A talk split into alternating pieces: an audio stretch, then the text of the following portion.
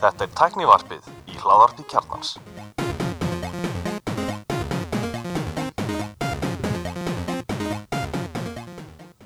Komið þessi álblessuð og velkomin í Tæknaðarpið.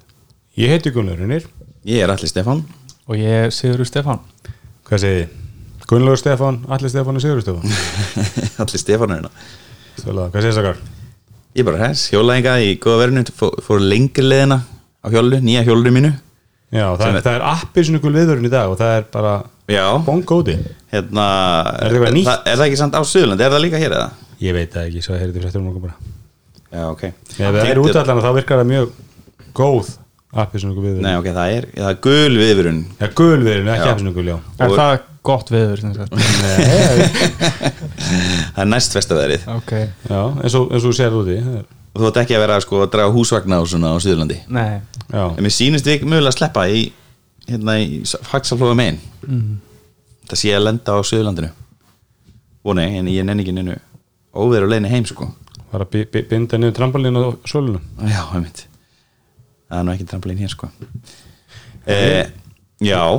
Við erum hér að því að, að, því að Apple var með messu á mándaginn Já. Sem lögðast já, aftur, jú mándaginn kom aftan á okkur sko, því það var frítagur í Íslandi hvað, annar í kvítasunnu og ég hætti bara að býta mér að vara þrítur maður sagði kannski að fletti upp.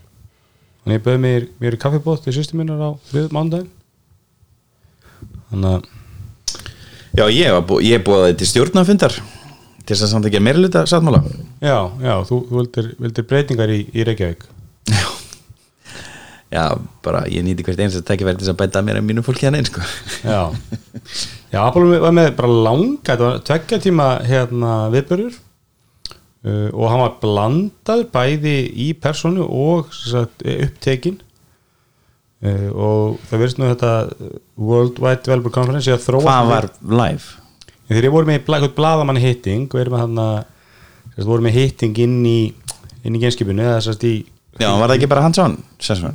Já, svo voru þið líka með Hansson sem þetta er vendur fyrir blaðamenn og það voru nú einhverjir eða ekki developer sem að eða fer, ég svo að Marko Arment var þannig var hann sem blaðamæður eða sem Það var hann sem podcastari. Já, hann var ekki sem developer. Nei. Þannig að þetta er aðalega bara blaðamenn sem er búið þarna og svo voru þið með svona Hansson area sko. Já, man, það var sérst fólki búið hérna, að horfa á upptökuna en, en Tim Cook hérna, kynnt upp fyrir, sérst, heitaði fyrir sjálfum sig. Já. hérna, og Greg held ég líka koma hann einhverja 5 minútur á spöllu og svo bara play. Ég hef nú verið kannski þeirra skoðanar frá upphafi að mér finnst þess að leðilega þessar hérna uppteknu kynningar. Já. og mér finnst þessi alveg svona hámerki verið leðileg Ég er það ósamlega, mér finnst þennan að flestra hafi verið skemmtilegar og miklu meira on point og miklu minna hiki og mistökum og svona og, og þetta miklu meira polished. En mér þetta svolítið- fyrir mér skiptir bara eiginlega demo hlutin á hugbúnaði máli í live. Mér finnst það impressiv og, og hérna, mér, það er eiginlega einu hlutin sem ég var skemmtilegur núna. Mér finnst þetta að lagast að kynningin svo far. Ég hef alveg líka eitthvað svona auðla húmor í henni svona mér finnst þetta ógeðslega að fyndi þegar að Greg er hann að hlaupa í motion eins og að opnar, Baywatch opnar inn Já, að líka hleypur hár. átna inn í eitthvað rámt herbyggi og það var einhver já, mér finnst það reynda, það var svolítið Já, Þetta var kannski líka bara aðeins som, ég held að hann sé svona, hann er svona comedy sidekick sko. Og það var aðeins svo mikið á hann kannski. Þetta var Þú veist, þú vilt ekki hafa comedy sidekickin sko, sko, í þetta alveg- maðurinn sem gat ekki aflæst iPhone 10 og hann muni ekki close-upið það sem hann er bara hristast allir Mhm. af stressi hann er búin að snarpa hann og þess, þetta hendur honum, þetta format hendur honum til þess miklu betur. Mér finnst hann njóta sín miklu betur. Líka það var að gera kynna einhverja nýja gestures og, hérna Magic Trap eða Magic Mouse og, og svona close-up á höndinni og það var alveg bara Mhm. sem var Já. einhvern sjúkdóm sko. Ég held að þetta sé betra að mörgu leiti og ég, en ég sakna live demo en, Já, ég, ég vil fá hérna, þetta byrjaði á, á hérna Tim Cook í, inn í höfustofunum í svona einhverju svolítið svona cool átviti sem að ég var stólað hann gangi í þetta stæla já, mér fannst ekki fara honum. Nei, svona, þetta væri svona einhver hefði klætt hann upp og hann leit svolítið út eins og Tók, það var líka þannig hann það var svona ekki pro, hérna, pro, appropriate outfit það sem er. Eða allir gamingurinnir sem við tilum um að þeir en þeir voru allir í mattsín skóm þannig að þeir, það bara, nei þú ferð ekki inn í Nei, þessum skóm. Female Body Inspector Bólur, hann fer ekki á svið. Nei, mitt Hérna, mér finnst þetta geggja skotana það var líka svona reyfing, það var svona lappa ógeðslega flott skot. Þetta var mjög töf sko. en svo förum við yfir í, yfir í, í hérna, svo að skipti yfir í hver tók við að kúk. Craig, eða ekki bara? Já, bara við byrjum í Craig. Og þá fórum við í hvað? Fórum við í iOS. Og svona stóð upp og var þessi homescreen breyting. Sem er svolítið svona myndi maður svolítið á Apple Watch Já, lock screen, eða ekki Já, lock, lockscreen breytingin segir Já. þetta virt myndi maður svolítið eins og, eins og þú nota bara watch faces á, á, á Apple Watch Já, einmitt, sími var náttúrulega ná úr hennu fannst mér Já, Já. customization UI-ið Já. Fyrir, fyrir lockscreenið er eiginlega bara alveg eins og í, í Watch. Já, Já. svona að þú veist með, þú ert með dag þá ertu með vinnutengt, svo ertu kvöldin ertu með eitthvað persónulegt. Já, Þú þetta þetta tengist líka í prófarana fókus og work. Já, svo varst ekki sem ferðast, þá setur þú ferða þá ferðu eitthvað svona ferða tilkynningar og svo leiðis og þetta var svolítið sniðut sko og Þetta er rauninni hvað, þrjú svæðið ekki? Það er, er klukkan, þú getur breytt henni. Hún er náttúrulega er alltaf statísk ekki? Þú getur ekki breytt, Þú ekki getur, fjarlægt breytt, þú getur ekki fjarlægt hann held ég en þú getur breytt hérna, uh, Letri og liti. li- Já, einmitt, letri og lit. Og svo getur þú kolomatsa ef að þú ert með einhvern ríkjandi liti í bakgrándum þá getur þú kolomatsa eða eitthvað svolítið Já, ekki það mátti get- vera Elmar þáttur að segja það kom í Android Þannig að ekki það- var í hana Android Material líka? U. Material U, það sem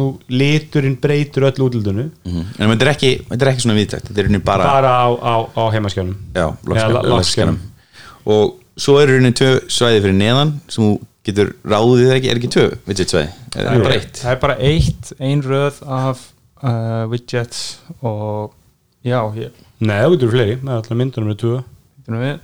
hann er, hann er með aðeins 16 á- Nú ertu með, komið betinu upp Ég kom með betur á allt, ég er alveg Beta hungry. mjög lasinn sko. er þetta vinnutulæðin? Þetta er vinnutólan sko. ok, Það þarf einhver að taka á sig að að prófa þessu liti sko. Mm. ertu með iPad eða?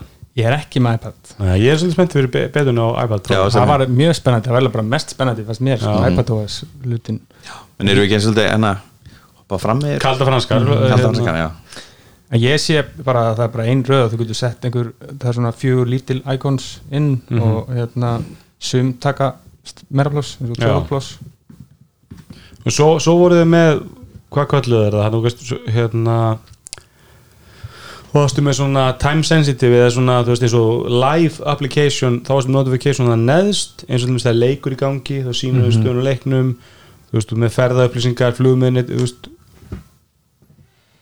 Og, og hérna svona var svolítið, sniðut að vera með svona það þurfur en ekki að fara inn í fótboltappið og checka á hvað er staðan eða, eða þurfa að setja notification. live activities. Og þetta er rauninni þannig að þetta er er á leiðinni. Notification kuppur neðst sem getur rauninni uppfært sig og það er líka takkar á honum, ekki þú getur líka, þú getur verið að íta á hvað Er það í widgetunum? Eru widgetin orðin meira dýnamíska? uh, widgetin sem eru á lockscreenu. Nei, bara öll widgetin í iOS. Eru, ég get ekki séð að það eru breytt miklu í þeim Nei, maður saknar svo í widgetin sko að þetta er alltaf bara static myndi eða Þú veist, þú getur ekki verið með play og pause og taka á widgetinu sjálf, þú getur ekki verið með einhvað svona interakta við widgetin eins og er hægt á andri allumis Mhm. Ég er svolítið, ég svolítið sakna þess í iOS widgetunum.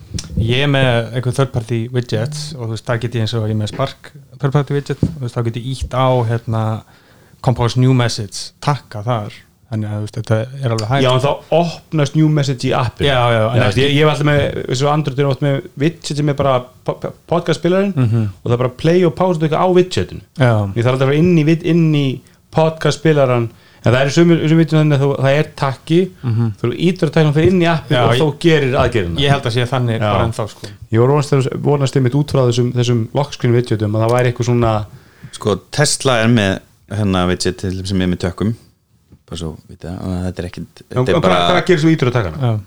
Sko ég er ekki með bílinn með núna, ég er á og ég sagði hann ég prófaði að gera eitthvað. Hvað fokk bílnum. ég? Ég held þú færi bara inn í appið sko. Sjá. Ég fer inn í appið. Í og hann aðgerðum- aflæsir beint. já, í aðgerðinu sem að takki vísir en þú getur ekki ítt bara á widgetið og sleppt appinu. Já, nei Já, það opnast en hann samt gerir aðgerina veist, það, það, það maður vilja geta gert bara einhver aðgerðir á widgetin, það væri sérstaklega iPad, getur haft mjög, mjög stór widget. Og það er mjög gott að geta hérna, þú sé Outlook í poppin og bara svæpa eða eitthvað interakt við postin mm -hmm. á þess að fara inn í Outlook í sjálf sko. Ég er nú lítill widget maður, ég var ég veikuna ég er svona mest náttúrulega widget mitt er hann að batterigurinn og kalender. Og svo er reyndar hann að þetta Siri Suggestions hann að ég elska þann kaup sko. Ég notur svolítið þetta suggest eða þess að vera með svona stakt þú veist, eins og hérna er ég með podcastspilaran Mhm. og svo er ég með alla spilarana hérna þú veist, í sama á sama Já, staðnum þannig ég er með þú veist, TuneIn, ég er með Spotify ég er með um Pocket- Pocketcast Mhm. þannig að það er svolítið sniðt að maður- ef maður er stjórntækin hann að sé hvað er að spila á sama stað Mhm. uh, hvað annað var í iOS þetta virkar nú svolítið mikið áherslu messages sem ég er, er afskaplega óspenntið fyrir Undo, hún getur undo að núna Já, það er þetta sterkur fítus inn í messages Virka bara móti i16 samt móttekenda Já, já, virkar alltaf bara á móti, móti einhver sem er að nota Messages, já. Já, ég er veist, Ég, ég notaði stundum en bara móti Instaring ekki senda mér strákar. Svo var einn hérna fítur sem fór ekki mikið fyrir. Það er hérna að geta hvað var það, copy content eða eitthvað svo leiðis Já, það var þetta geggjað. Hérna, þú gæst rauninni klift hundin út í myndinni Já. án bakgrunns, það er geggjað. Prófaði þetta með köttin minni ger bara hann bara kliftist út alveg fullkomlega sko. er þetta í messages þú getur svo bara tek, þú getur bara fundið bara, bara á Google og bara tekur svona long press á einhvern hlut á mynd og þá getur þú bara dreigið hann eða kopjað hann. Ég tók hann bara og dróð hann og fór bara inn í messages og sendi myndina af kettirum á kærustuna og Sko ég er náttúrulega að nota, ég er sko stór nota þetta Canva, þar er í Move Background Fetus svo er hann að Pixelmator sem ég kefti Pixelmator Pro er líka menna Fetus ég nota þetta ógeðslega mikið að taka þú veist, mannesku eða dýr eða eitthvað út úr bakgrunni og setja inn á eitthvað annað. Að þetta er náttúrulega bara snild á iPadin. Fær iPadin þetta líka? Ég held að þetta sé líka í, Ma- í macOS sko. Já, ég held að þetta sé samt eitthvað Apple Silicon Exclusive. Ég er nokkuð við já, það, ég held að það komi nú meira og meira að því. Eins og sáum að þessari kenningu sko já, það voru mjög harðir í, í Apple Silicon, Only sko. Já, og, og ekki bara það heldur er e- Series 3 úrið fær ekki WatchOS 9 Hugur minn það er í er sölu núna. Hugum minn hjá þeim sem er að selja 2020 MacBook Pro 16 tómi með Intel. Að, þú veist, og vilja fá, ennþá fá 350 skall fyrir hann eða eitthvað sko. það er svona 150 max bara. með við nýjastu ég myndi bara 50 skall. Já, Nei, meni, þetta er bara, veist, þú- þetta er tölva sem er að detta út úr uppfæðslum bara næsta árið eða eitthvað. Ég seldi mín á mjög góðan tíma. Þess- er, köttu þá, já, fyrir þess að það uh, með það messages voru með Apple Pay fæslur Glemdir einu varandi um, læsiskjáin er að tilkynningarna núna koma frá botninum, ekki toppinum. Og svona stakk og stakkast Já, það sem er, ég er mjög spenntur að sjá það. Svo, svo er þessi hérna copy content þú veist að geta tekið bakgrunn og svo, þú veist, þú þarft ekki að vera með TrueDepth myndir til þess að myndirnar fari þú veist, á bak eða þess að fari yfir klukkuna á, á lockscreenu, þannig að ég held að fattar það bara, Já, það er og, þetta og lætur að fara yfir sko, þannig að ég held að þetta saman hérna, gerir svona þægilega að að customisa og gera einhvern, einhvern svona personalized hérna, lockscreen fyrir þig. En Marko Armend satt hann við liðin á hvernig sem býrði Widgetsmith sem var rosa vinsalt fyrir hana hvað, tveimur eða þreimur öfn slóðu gegn, svona- sem gengur út að customisa útlit á iPhone og hann sem að dótt mín 11 ára notar ógeðslega mikið. Einmitt, hann satt hana bara sveittur og horfa þess að kynningu sko, hún leiði ekki vel. Mm. þetta er rosa mikið þetta lock screen customization er rosalega mikið úr hans playbook sko, eða, veist, sem hann, hann vil geta gert sko. en ég held að ég samt, allt svona er bara góðu business fyrir hann. Já, mögulega. Að því að sko, þetta er- fær fleira borðinu svo lendar í tækmarkunum og þá farið það að tala við hann og einmitt, einmitt. En Getur- dóttir mín gerir þetta, það er alltaf, hún breytir öllum íkonunum. Já. þú veist, það er bara, hún er með einhver custom anime, emoji, icon og allt sko. Þetta er þetta shortcuts trikki ég veit ekki, ég kann ekki. Já, þetta er- þetta er raunin gegnum Widgetsmith sem er nýtið sér shortcuts-leginum en hún alltaf, þú veist, hefur séð á TikTok eða eitthvað og, bara heimt eftir sko. Svo glemið einu, það er líka edit á messages og undan Twitter. Er árið sendir. 20 2022 sko. Það er þetta alveg fyrir eitt það eru margir sem notið í þannig það að- að er, En er ég væri til að sjá miklu örari breytingar á messages og Safari utan WWDC ég er alveg samanlega því. Apple Pay Later. Já, mér syns það er svolítið sniðut og, og þetta er í bóði allstar það sem Apple Pay er í bóði mm -hmm. svo er rétt svo er þetta vist ekki í samstarfi við einhver, einhver banka sko. Já, þetta er Apple. eitthvað, þetta er eitthvað undirfyrirtæki hjá Apple sem að, hérna, er að finansa þetta sko. en við getum ekki nota þetta hann sagði is available where, everywhere where Já. Apple Pay is available Ég þá er þetta fucking huge en erum við þá ekki að tala um Apple Pay hérna, ko- kortið eða, veist, þetta ég, ekki- það, hvað heitir það? heitir það ekki Apple? Apple Card eða einhver- þetta er bara Apple Pay. Svo er Apple þetta- Pay er samt það sem við notum sko. Já. myndin af hérna þegar er order tracking það er svona getur þú trakkað allar Apple Pay pandana þinnar og það er Uniop greinilega, einhverja panda frá Uni. Já, ég mynd, eins og bróðum við var kapsir og þú átti það ekki. Jú, ég á Uni Kota 12 við, við vanaði með. Einmitt. Eh, Já, það er þetta svolítið þægileg fítur sem ég panta mjög sjaldan með Apple Pay neða þú vilt líka eitthvað svona unified order tracking þjónustu sko. En svo er þetta Apple Pay, þú veist, í vefurslunum það er þetta inn núna í vefurslunir á Íslandi fullu. Já, Shopify er náttúrulega með Apple Pay líka. Já. og Shopify er náttúrulega jættamarkaðin en svo eru, þú veist, náttúrulega margar vefurslunir á WooCommerce og mér skilst að, að hérna SaltPay séu komni með eitthvað til þess að leysa þetta Apple Pay. Þú veist, ég sé þetta líka og ég sé þetta að það þú voru að panta eitthvað borð í einhverju appi á table, þeir taka við Apple Pay. Já, er Dynout Dynat, Það- einmitt, já. Já, já, og það lendir alltaf á villu. Ég er búin að reyna multiple times, ég hat þetta. Ok, Ég ætla að heyri þeim sko.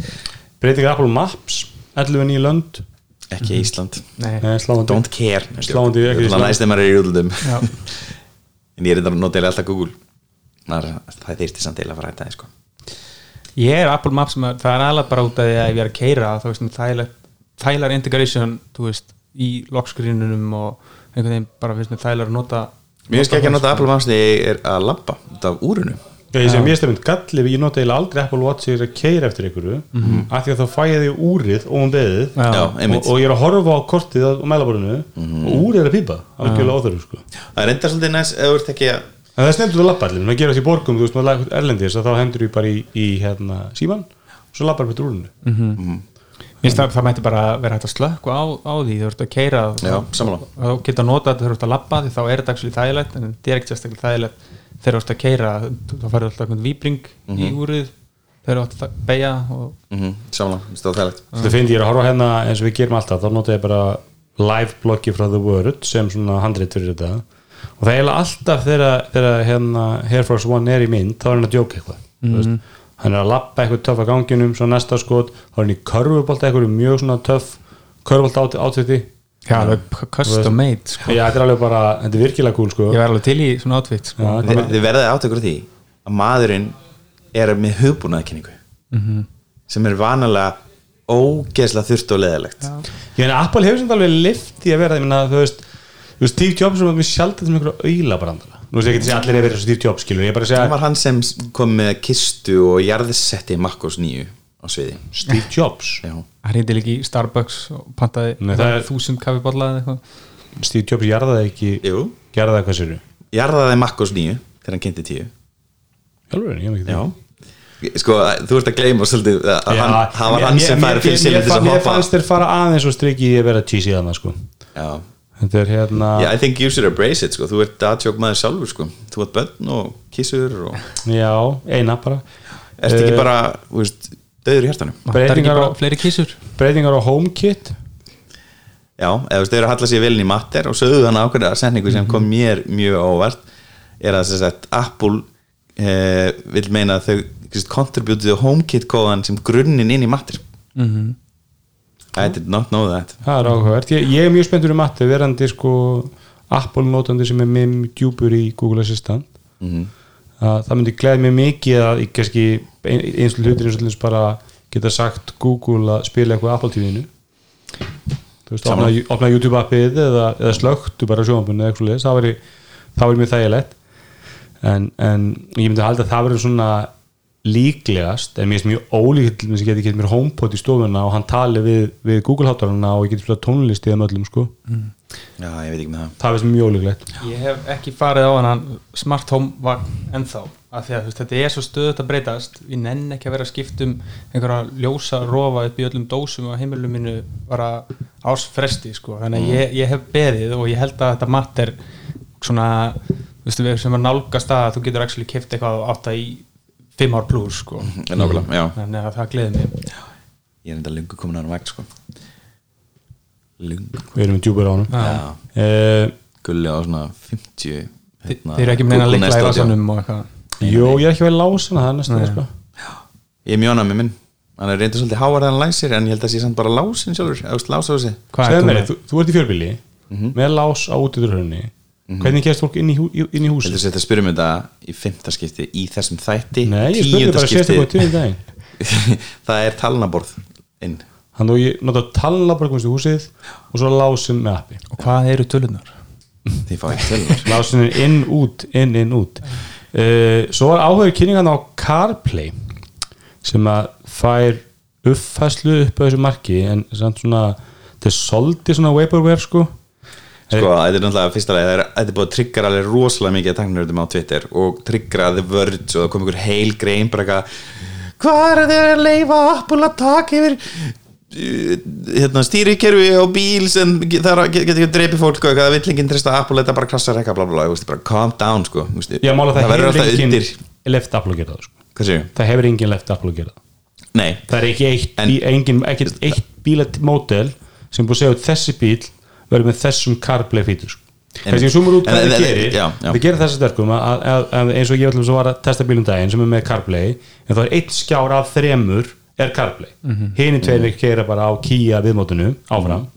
Og þarna er hugmyndinu svo að allir skjáinir í bílunum verður hluti á CarPlay. Þannig að þú ert bara með Apple þemað á öllu. Þannig að þú ert með hraðamælin í Apple lúkinu með bara alla takana og það er svona rosa djúb tenging þá inn í inn í stýrikerfið á bílnum og hérna bara spurning sko hvernig ég myndi að halda að allar aðgerðnir eru áfram gerðir af bílatölvun sem að læst og lokuð og svo leiðis og hún er bara að tala við CarPlayði sem er svona viðmót.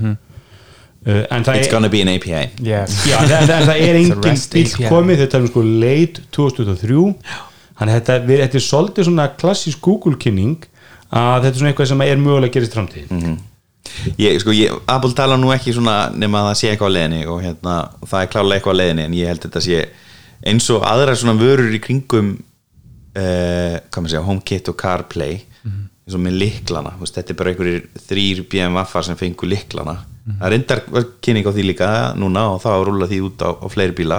Og það var sínt einhver svona glæra með fylgta logoum ja, framlegndum Þetta er, er Land Rover, Benz, Porsche, Nissan, Ford, Lincoln, Audi, Jaguar, Acura, Volvo, Honda, Renault, Infiniti og Polestar. Og eitt sem er ákveðt að það sem eitthvað bent á að hérna uh, BMW er ekki að hana. Og BMW hana, Sem hefur verið mjög nátengdur uh, Apple. Mm. Veist, þeir hafa verið mjög framalega eins og að svoleiðis. þeir eru ekki listanum. uh, þannig að Skrítið. Mazda er ekki hérna, ég er með Möstu, hún er ekki með Carplay þannig að en No surprise there. já, þannig að við, en þetta er, þetta er ég myndi að segja þetta væri svona tildulega um lítil uppfæsla á iOS eða ekki, svona með, við höfum séð stærri uppfæslur þetta er ekki bara Titan the Bolt uppfæsla þetta er svona eitthvað mitt á milli. Já, ég, að ég held að sko þetta lokskin dæmi verður svolítið skemmtilegt og munum við ekki mikla lukku.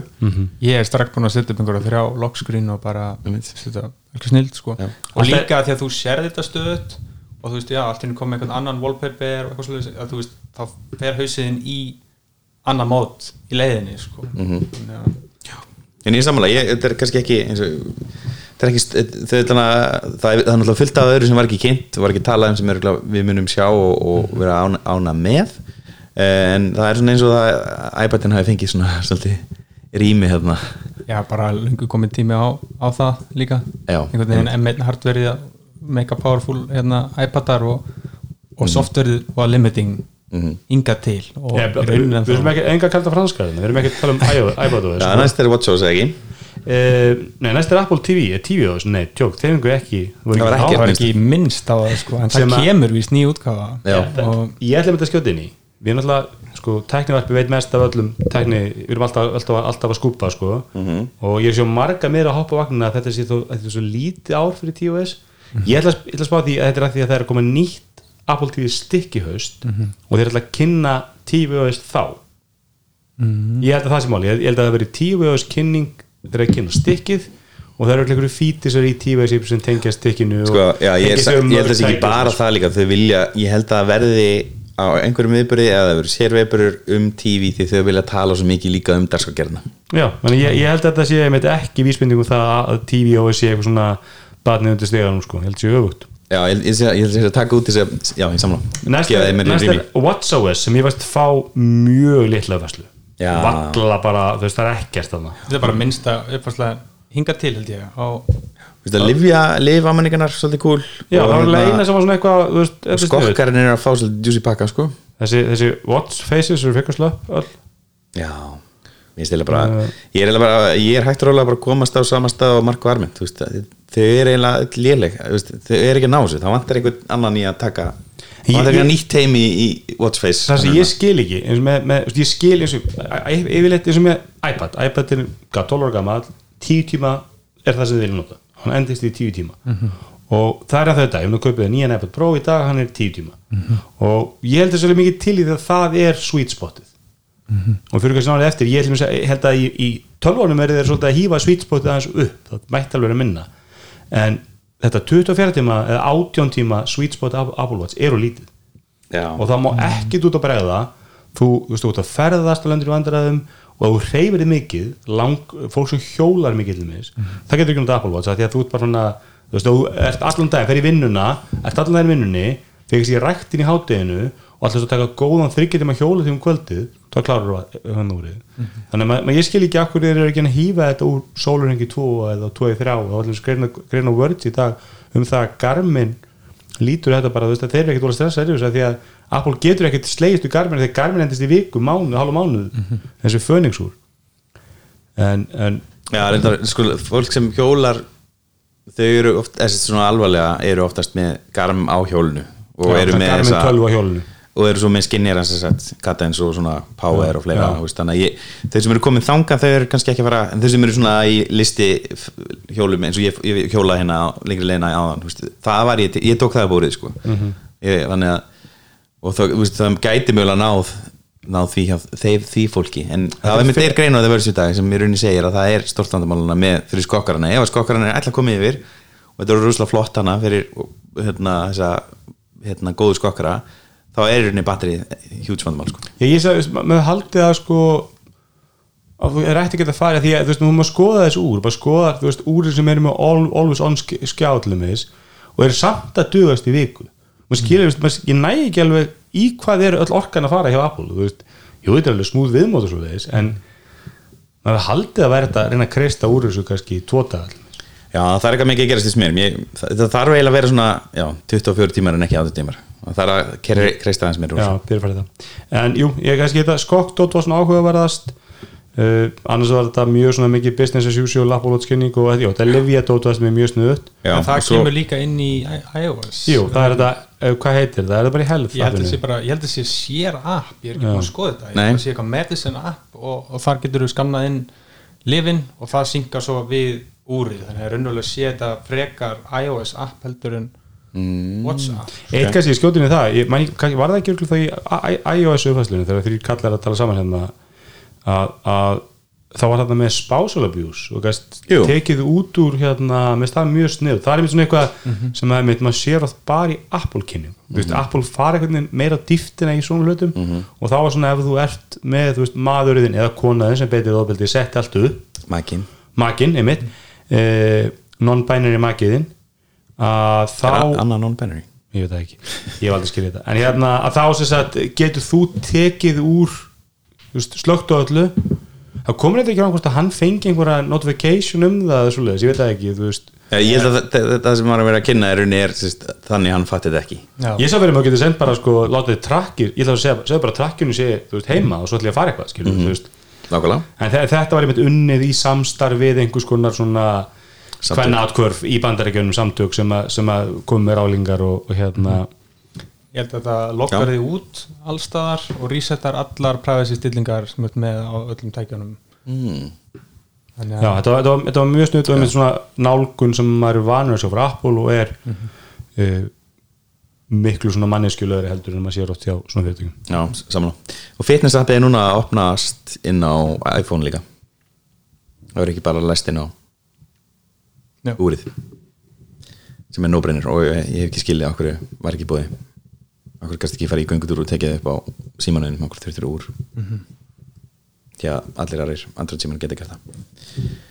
En, en símar eru ekki með allir, alveg sömu mælitekin og úrin.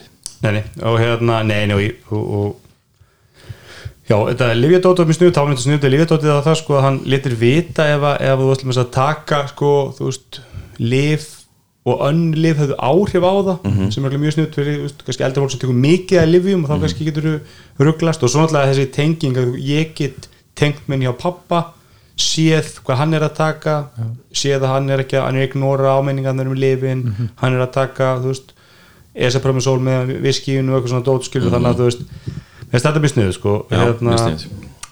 en, en svona heilt yfir myndi ég segja þetta er svona með minni Apple Watch uppfæslum sem það séð sko mm -hmm. og ég hef aldrei lendið að það kemur engin watchface sem að ég er svona ok, ég getur náttúrulega þetta mm -hmm. þannig að já, þetta var og það, það fórum við í hvað? M2 já, M2 örgjöfan mm -hmm. já, kom hérna eitthvað, já, kom helfið og svo beinti við í M2 M2 mhm já. Já, M2 kom mér svolítið óvart. Ég bjóst við að það- þið myndu smækka smáruna en, en það var ekki gert. Nei, það var, það- hann var hins vegar stækkar um 25% örgjörun Já. sem er svolítið svona indilegin í, í því að gefa út nýjan kynnslóð og fængu 25% betra performance í leiðinni. Já, fyrir Já, aftur 18% á örgjörunum og þau 38% 9% á GPU ég, ég held að kannski að þessi óreina krafa eða vænting að í hverju uppfæslu smakkiði smárum ég held að það sé bara, Já, já. eru orðnir það litlir að þetta verður alltaf erfara erfara og eða þetta er bara veist, hérna, COVID og, og, og logistic hérna, fólkabíði sem er gangi. Það spila klálega inn í sko og hérna og en, en svo eru margir sem skilja ekki alveg sko eru, eru svona, er ekki að neykslast á því en eru svona að eh, spyrja af hverju, af hverju eru þeir að kynna sko M2 þegar þú veist, ertu, er þá að koma hvað M2 á Mac Pro eða hann verið kynntur í haustum en ólíklega það verið kynntur, þú veist, þeir kynnt hann ekki á WWDC sko Mhm. en, en þetta verður alltaf þannig að, að þeir eru að fara að kynna veist, M2 kemur á MacBook Air og hann kemur síðast á Mac Pro, Mac Pro. Mm -hmm. þá ertu búin að fara í gegnum þetta er Intel gerir þetta þú veist, þú ert þú lætur alla notöndunar sem eru að borga minni penning áður nú ferð svo í risana sem að er, að vilja það sem við skiptir mestu málið aflið sér nóg og, og, og, og gæðin sér mest sko. en þeir voru mikið að bera saman í glærunum sko, Intel-örgjarnir voru flestir öflúri þeir eru að sína samabörði við ykkur Intel-örgjöfa og ég alltaf var Intel-örgjarnir mun öflúri en ef þú barst af vatn fyrir vatn þá var Apple miklu öflúri Já, þeir stiltu líka upp grafinu þannig að þú sást ekkit meira en það sem þú áttir að sjá sko. eins og við gerum með 3090 grafið Já, Já, eins og þetta síðan voruð með sko eitthvað, eitthvað ég sést nú ekki myndinni hverju það en þá er sko er, er M2 80% af af- 87% af aflinu á Intel-örgjarnan en, en notar bara eitt fjórða af rafmagninu sko. Einmitt. en ef þú vilt allt afnið þá farið þér Intel-örgjarnan skilur Já. og verð með fjara tíma raflið á emitt En það sem er gott um M2, það er 24 gig í minni núna sem er bara bylting finnst mér, já, sem sagt þetta er svolítið takmarkandi til þess að fyrir mig að vera fastur á 16 24 er alveg strax mjög betra en ég hef viljað sjá 12 sem lágmark og, og treypa 8 gigin í þessum flokki. Eh, ég er reyndin það bara ég, ég myndi að þetta geta 8 tölu með 24 í minni bara óþægilegt þegar út af tölunni? Er bara, ég er bara annars með sálina. 16 eða 32 8 þú veist, þetta er bara þú veist, þú maður ekki heyrt í, sko, sérstaklega í sko, PC er þetta oft vesin að vera með sko, þú veist, þú veist, kannski með 1 8 gigabúti 4 gigabúti, það, þú veist, það er það er ekkit vissið þannig, Kali nei, nei, þetta á ekki vera, sko, ég efast tólega en, en mér svona, það finnst þetta óþægilegt? Þetta er bara vond í augun og heilan og, og Einmitt. allt. En, en svo getur vel verið líka þessi bara markaðslega átkvörðun, sko. En 24 er eiginlega nákvæmlega sem ég myndi þurfa það er eiginlega nákvæmlega sweet spot tala mín sko. Af því að líka þú veit, er sko unified memory þannig að þú ert að gera eitthvað graphic intensive þá getur það Já, bara að eitthvað taka meira af memoryinu og skilur minna eftir sem, sem RAM. Þannig að ég held að það sé mjög gott að, að við allavega sáum þessa hækkun að Já. við heldum ekki áfram í 16 það hefði ekki komið manni alltaf mikið óvart. Þannig að og svo er önnur hérna gleði, það er hérna ProRes encoder decoder vél sem ég bjóst nú ekki við að myndi fara á þessa vörulínu. Ég held að það myndi vera í Pro og Max og Ultra uh, og önnur hérna leiðileg hérna það er ennþá bara stuðningu fyrir eitt skjá. Já, Já, ég meina, kannski er þetta rétt fyrir þetta áhuga punktur að, þú veist, kannski er þeim M1 lönsið hægara heldur en þeir vonuðist til út af COVID og út af stríðnúgrænu og öllu skilur það er náttúrulega, það er hægara því það vantar inn á tölvu eða þess að það eru tvær tölvur ennþá á vitil Já, já, þú veist, þannig að skilur kannski, þú veist við að sjá M2 fyrr hraðari, þú veist. Mm Mhm. já, svo má ekki glemma líka að memory í- bandbreitin var tvöfölduð. 100 gig. Já, En svo kemur við nýja tölvu MacBook Air Já, bara, ekki meira. M2 með, M2. ekki með hvítum BSL já, sem að thank god, þú varst að vera svo. Gulli Ég verði að segja það, eins mikið mér finnst iMac-in ljótur út af þessu hvíta besu það er alveg hryllilega lutur uh, og þá verði ég að segja það að mér finnst hönnun á þessum vélum meira boring heldur en í bjóstu og þessar, þessar, sko, þessar tekningar af þessum litu, litaglöðu fartölum, þóttu vera með hvíta ramma. Það voru svolítið svona myndum að svolítið af closet setuna henni gamla þetta það var svona fun Apple og það var alltaf eitt það sem hefur þú veist, Johnny Ive svolítið innleiti það að Apple var miklu meira fun þegar það var í plasti.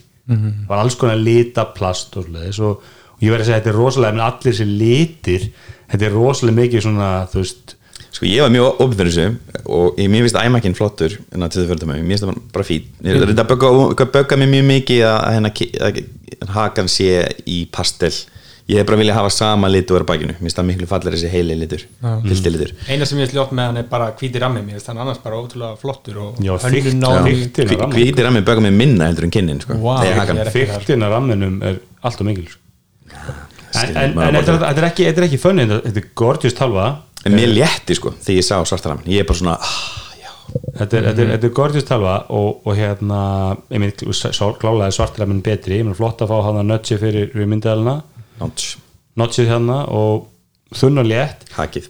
Eitt sem að, mér skal ákvæmst í og að mynda að ræða allar, nú erum við með sko þetta er, þetta er, þetta er í fyrsta, eða þetta er önnur talva, fartól, þetta er hanna frá gunni, grunni fyrir, fyrir armörgjörðans Já. og ég var að bera hana saman við MacBook Air frá 2008 Mhm. við erum að fyrstu MacBook Air töluna sem var með hérna, slætetnum svona einhver flipi sem þú þurftir að tossa niður til að komast í USB það var eitt USB-A og eitt Já. mini, nei hvað hétta það var eitthvað svona alveg proprietary USB tengi á henni sko og það er það, ekki fæværi, eitthvað svona mini-fæværi Nei, það var einhver, einhver, einhver útgáfa af USB sem að, þú veist, þú þurftir alltaf að adapter í, þú veist. já. Og ég meina og kannski bara bera það líka saman við sko Intel, þú veist, þeir eru komið hérna með sem er kannski sannlega fyrsti notaði MacBook Airin er það sem er með það var ekki Haswell sem við vorum að fá 12 tíma rafluðending og svo leiðis það er búið að skafa 120 gram af þingdinu tölunni á þessum, þú veist, hvað, 14-15 árum 16 árum. Þú veist, og ég var alveg til að sjá er línuna miklu aggressíður bara hvað getum við búið til þunna og létta vél sem er samt nógu öflug til að vera notað í allt og með nógu góður aflið til að þú getur sagt þetta er all day battery. Já, ég er ósamla, ég vil halda því bara í einhver svona, ég vil að er klassin sé svona, Mér ég vil nákvæmlega þetta balans, þetta er bara, þetta er bara besta tölva, fartöla, besta fartöla sem er búin til, það er M1 MacBook Air, ég hef ekki prófað þessa en þetta er líklega besta núna fartöla sem er búin til, þetta, þetta mix sem er verið að nota hana, þetta er bara rétta mixi það má vera önnur tölva og hún var til í nokkur ár, hún bara seldist ekki og ekki eins og þú keftir hérna og það var MacBook, 12 tuma Já, ég meina hún var alltaf með þann hana. galla hún var alltaf kraftlaus einmitt, Þú veist, út af hún- því að hann var að nota Intel M örgjura, já, Atom örgjura en það er núna önnur tölva sem Apple selir, selur sem er næstu því fartöla sem heitir iPad Pro sem getur tikkað þessi bóks sem getur verið létt og nett og þærlega takk með. En já, ég, ég, ég, svona, ég, veist, út á nafnu líka þú veist, ég væri til að erum væri bara að þetta er einhvern svona statement tölva sem er bara því að sko þannig þá þú getur fundið fullt af PC-tölvum sem er undir kíló. -hmm. og fæstar og þeirra margar þeirra náttúrulega fortanskjástærinni sko. Nei, ég, er sem í 13 tómi, menn það er, er til slatti af, af 13 tómi PC-vélum undir því kíló með ThinkPad með eitthvað, ThinkPad XL Carbon eitthvað, einhver útgáfi henni er undir kíló, það er til, og sé og svo er, svo er það misöflugar og það er alltaf mis, hérna, veist að flestir hættur nota þessa, hérna, M3 örgjörra sko, og ég menn eins og Dell var að kynna núna í dag XPS 13 uppfæslu og hún er léttar en þessi, hún er með ágætlega öflum en rafleðendingin er lakari. En þetta er svona að þetta er ákveðið vandamál á Apple ef að, ef að sko Intel eru ekki að hýfa sig upp í tíu tímana í praxis og Apple er ekki það mikið þing- þynnri ekki það mikið léttari það er munur hann svolítið huglegur sko. Að því að jújú, jú, ef þú ef, að- ef, að- ef, þess að tölvustum þú talar um eru langfræstar úr plasti og eða það eru svörtu karbonfæber sem er ekkit droslega fallegt XPS er komið í málma mikið sko. En ég, held- ég heldur mér að meðal eins og til sem að vorum við að gefa dóttur minni útskjöldagjöf MacBook Air M1 og hérna og ég meina hún, hún er aldrei fara að nota neitt af aflinu sem við erum, hún er bara, hún er uppfærið úr MacBook. Og aflið er bara að gefa henni það að hún er nota fleiri glugga að opna einu. Þú veist þannig að ef hún var á PC-vél sem að væri mögulega afl minni heldur en M2 en myndi samt ráða við 200 glugg tappa í króm opna og rafleðendingum duga frá fyrir skólan á mótnana og kemur heim á kvöldin þá er upplifunin svipuð. Þannig að ég held að, ég, ég, veist, ég veit ekki hvort að 16 tíma raun er rafleðending eða hvað hún nær er eitthvað markmið sem að þarf að eldast upp á tíu sko. Veist, frekar eins og ég gerði það bara eitthvað litla og þunna og sexi en það getur og allir, kannski var það bara eitthvað lína kannski getur haft, veist, kannski verið eðlæst að MacBook Air væri þessi vel sér að tala um svo er bara MacBook velin sem er svona þessi klassíska, gott, góð fyrir allt MacBook 12 og svo Pro en náttúrulega í vélinn sem að enginn skilur er innan og það er þessi MacBook Pro 13 dömu með touchbar Ég, sem það, M2 það var engin búin að spá því og það var Það ekki alveg- einasti rúmor um, um þetta sko. Það er alveg ótrúlega, ótrúlega uppfærsla og, og einhvern veginn svona það var nánast Jú, það var rúmur um þetta. Þess að Vá. svo kom skráningin hana fyrir viku síðan vikur við, við, Já, ok. Svo kynntu við kannski skjóta haldum að hérna listu uh, restina hardware, þeir kynntu tva, tvær hérna, nei kynntu nýjan charger sem er, eru tvei charger í búið annar er, er svona 60 watta sem hann er hraðarleyslu og svo er tveggja USB-C tengja í hérna far, far, hann er 30 watta fartur charger sem er mjög sniður hlæslutæki hlæðsluleiki, já. Uh, Svo komu hérna MagSafe kaplandir komu í, í litum núna. Já, það er coded. En mér fannst ég að lesa að sko Erin kom ekki með MagSafe uh, kapli í bóksinu Voru ekki að bara USB-C Já, það er, það, jú, sést, ef þú kaupir 67 vatta hlæslu breykin, þú þarfst að sést, velja upp úr hérna, tvekja hlæslutækja hlæsluporta hérna, hlæslutæki fylgir með. Og- Með Erinni? Já, Ok. með er. Og ef þú sést, velur 67 þá færðu MagSafe snúruna Já, en, en Mosatalan var ekki kynnt. Mósatalva Mosatalan er 15 tómu MacBook Air. Nei, ég, sko ef við klárum, ef, við ekki bara opnaði núna MacBook Air umræðan, þetta er klála þetta er stærsta varan á þessari kynningu. Eða, stærsta Eina. náttúrulega er að, er að varan sem allir byggust við að sjá á þessari kynningu var ekki kynnt. Það, og er stærsta Pro. það er ekki Mac Pro þau náð, sérst, Apple náði ekki að ljúka þessari, two year transition. Og það var minnst að sagt bara veist, að hún nýrði kynnt á næstunni. Og það komið mjög veist að hún var ekki kynnt. Eh, en MacBook Air M1 heldur áfram í sölu.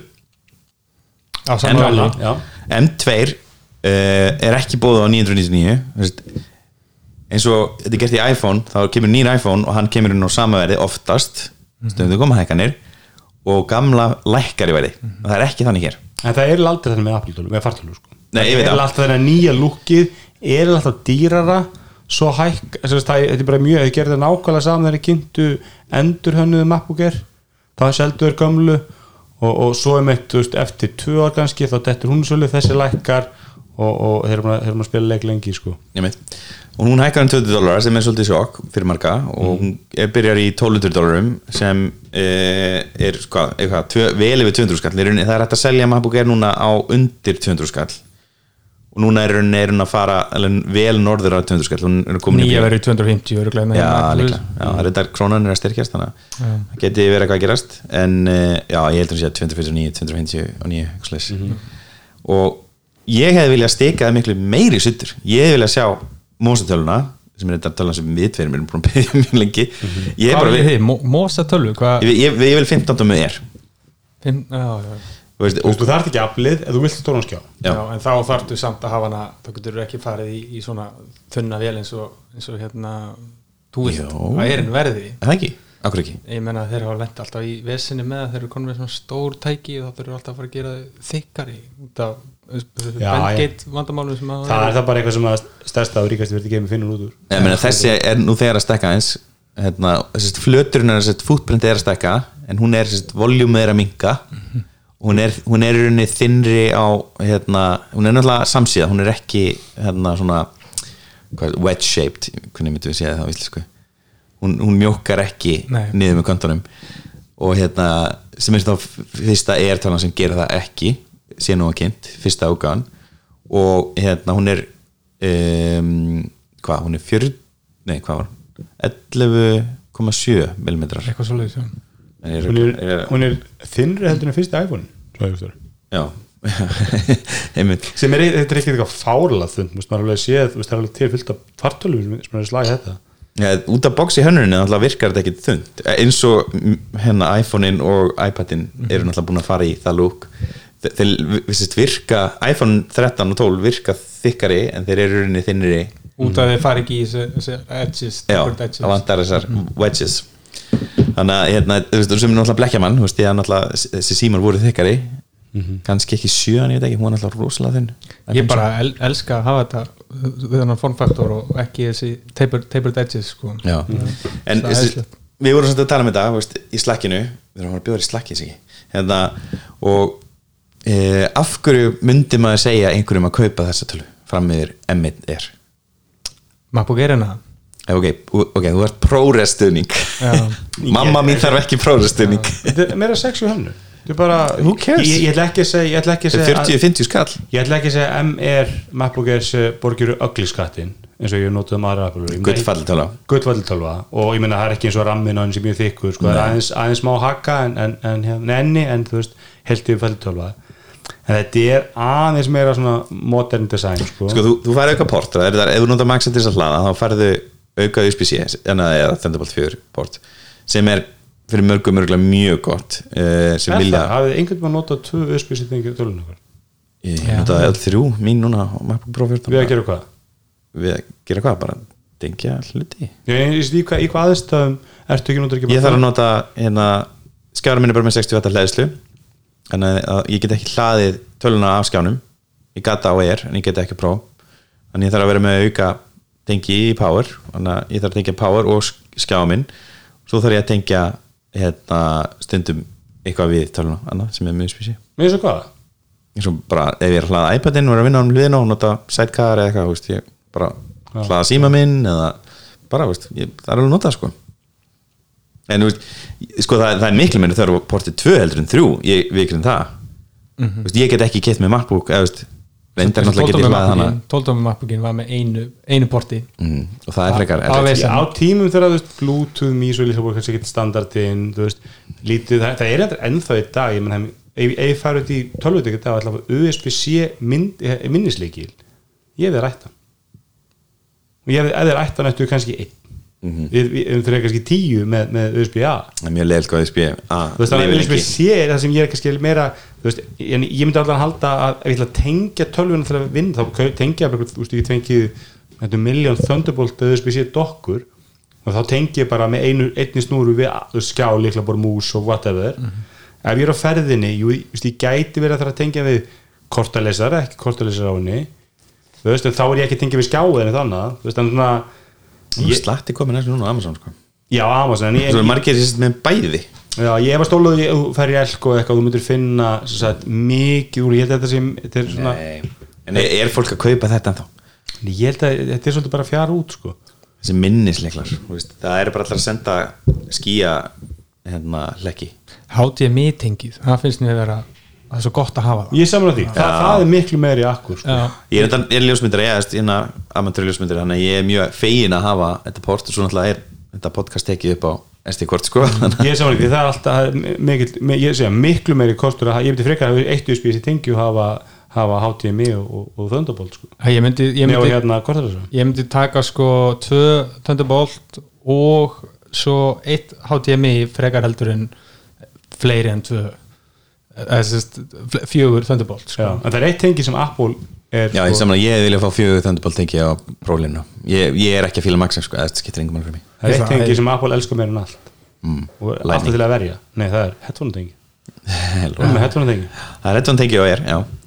En ég, ég segi, ég, þetta mér finnst svolítið skrítið að selja hann hlifið hlið, en ég held að sé sko líka, fyrsta lagi verðin eru erfið, það er búið að vera erfitt að framlega og hérna, hann er að og það er kannski erfitt að fara yfir í 1200 dólar vél og þú veist, hætta með 990 dólar vélina því hún bara selst svo vel.